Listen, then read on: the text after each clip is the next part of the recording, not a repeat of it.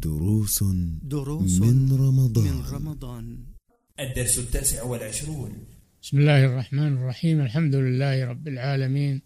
صلى الله وسلم على نبينا محمد وعلى آله وأصحابه أجمعين. نحن في آخر رمضان في أيام العتق من النيران. أيام العتق من النيران. فعلينا أن نسأل الله أن يعتق رقابنا من النار. نحن في ختام الشهر والأعمال بالخواتيم. فعلينا أن نختم شهر رمضان بالأعمال الصالحة. شهر رمضان يتبع بأعمال صالحة. إذا انتهى. يتبع بالتكبير ولتكملوا العدة ولتكبروا الله على ما هداكم ولعلكم تشكرون. نتبع رمضان بصلاة العيد. نتبع رمضان بصيام الست من شوال. قال صلى الله عليه وسلم من صام رمضان واتبعه ستا من شوال فكأنما صام الدهر. فرمضان الحسنة بعشر أمثالها. فرمضان عن عشرة أشهر وستة الأيام عن شهرين وهذه هي شهور السنة.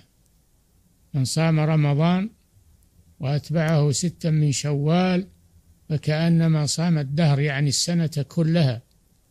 وهذا فضل عظيم لمن تذكره واستحضره وقصده ونواه. فإن الله جل وعلا يوفر ذلك له ويزيده.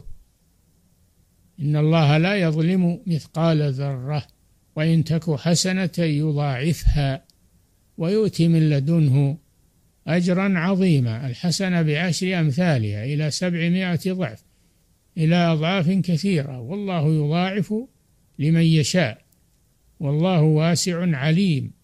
علينا أن نتذكر يا عباد الله هذه الفضائل وهذه الأعمال الصالحة وهذه الأوقات الفاضلة فنعبئها بالطاعات والخيرات والبركات ونختمها بالعمل الصالح والشكر لله عز وجل ونواصل العمل بعدها حتى ينتهي الأجل. هذا هو شأن المسلم الذي يستفيد من حياته ويسعد بعد مماته. نسأل الله أن يوفقنا لصالح القول والعمل. ثم إن الإنسان يتذكر سرعة مرور الأيام تذكر سرعة مرور الأجل. فيحدث لذلك توبة واستعدادا لختام حياته. فإنما الأعمال بالخواتيم. والنبي صلى الله عليه وسلم قال إن الرجل ليعمل بعمل أهل الجنة حتى ما يكون بينه وبينها إلا ذراع فيسبق عليه الكتاب فيعمل بعمل أهل النار فيدخلها. وإن الرجل لا يعمل بعمل أهل النار حتى ما يكون بينه وبينها إلا ذراع فيسبق عليه الكتاب فيعمل بعمل أهل الجنة فيدخلها. الأعمال بالخواتيم. علينا أن نسأل الله حسن الخاتمة وأن نختم شهر رمضان بالأعمال الصالحة وبالتوبة والاستغفار والاستغفار بالذات لأننا مقصرون والاستغفار يرفع هذا التقصير. فنختم شهرنا بالاستغفار والاستغفار تختم به جميع العبادات يختم به العمر يختم به الصلوات المفروضة يختم به المجالس. الاستغفار ختام. وعلى المسلم أن يستعمل الاستغفار دائما وأبدا. ومن لزم الاستغفار جعل الله له من كل هم فرجا ومن كل ضيق مخرجا. الاستغفار أمره عظيم. أن نكثر من الاستغفار. والاستغفار معناه طلب المغفرة. من الله سبحانه وتعالى. والله غفور غفار. فإذا استغفرته بحضور قلب فإن الله يغفر لك. قل يا عبادي الذين أسرفوا على أنفسهم لا تقنطوا من رحمة الله. إن الله يغفر الذنوب جميعا. إنه هو الغفور الرحيم. كان النبي صلى الله عليه وسلم إذا انصرف من الصلاة إذا سلم عن يمينه وشماله يقول أستغفر الله أستغفر الله أستغفر الله ثلاث مرات قبل أن ينصرف إلى الناس بوجهه صلى الله عليه وسلم. فهذا ختام للصلاة يختم به المجالس.